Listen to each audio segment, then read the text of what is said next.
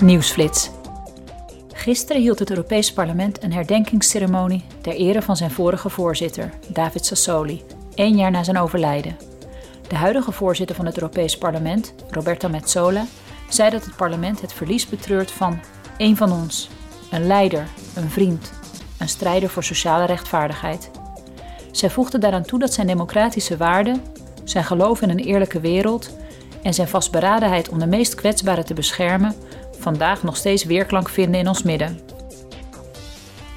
Vandaag presenteert Roberto Metsola aan de conferentie van voorzitters voorstellen voor maatregelen om de integriteit, onafhankelijkheid en verantwoordingsplicht van het parlement te versterken.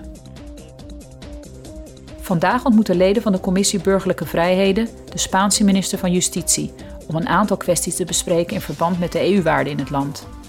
Gaat onder meer om voorgestelde hervormingen van het rechtsstelsel en de stand van zaken bij de Algemene Raad voor de Rechterlijke Macht. Ook zullen zij zich buigen over de nieuwe wet voor de democratische herinnering, de recente wijzigingen van het wetboek van strafrecht en het meest recente verslag van de commissie over de toestand van de Spaanse rechtsstaat.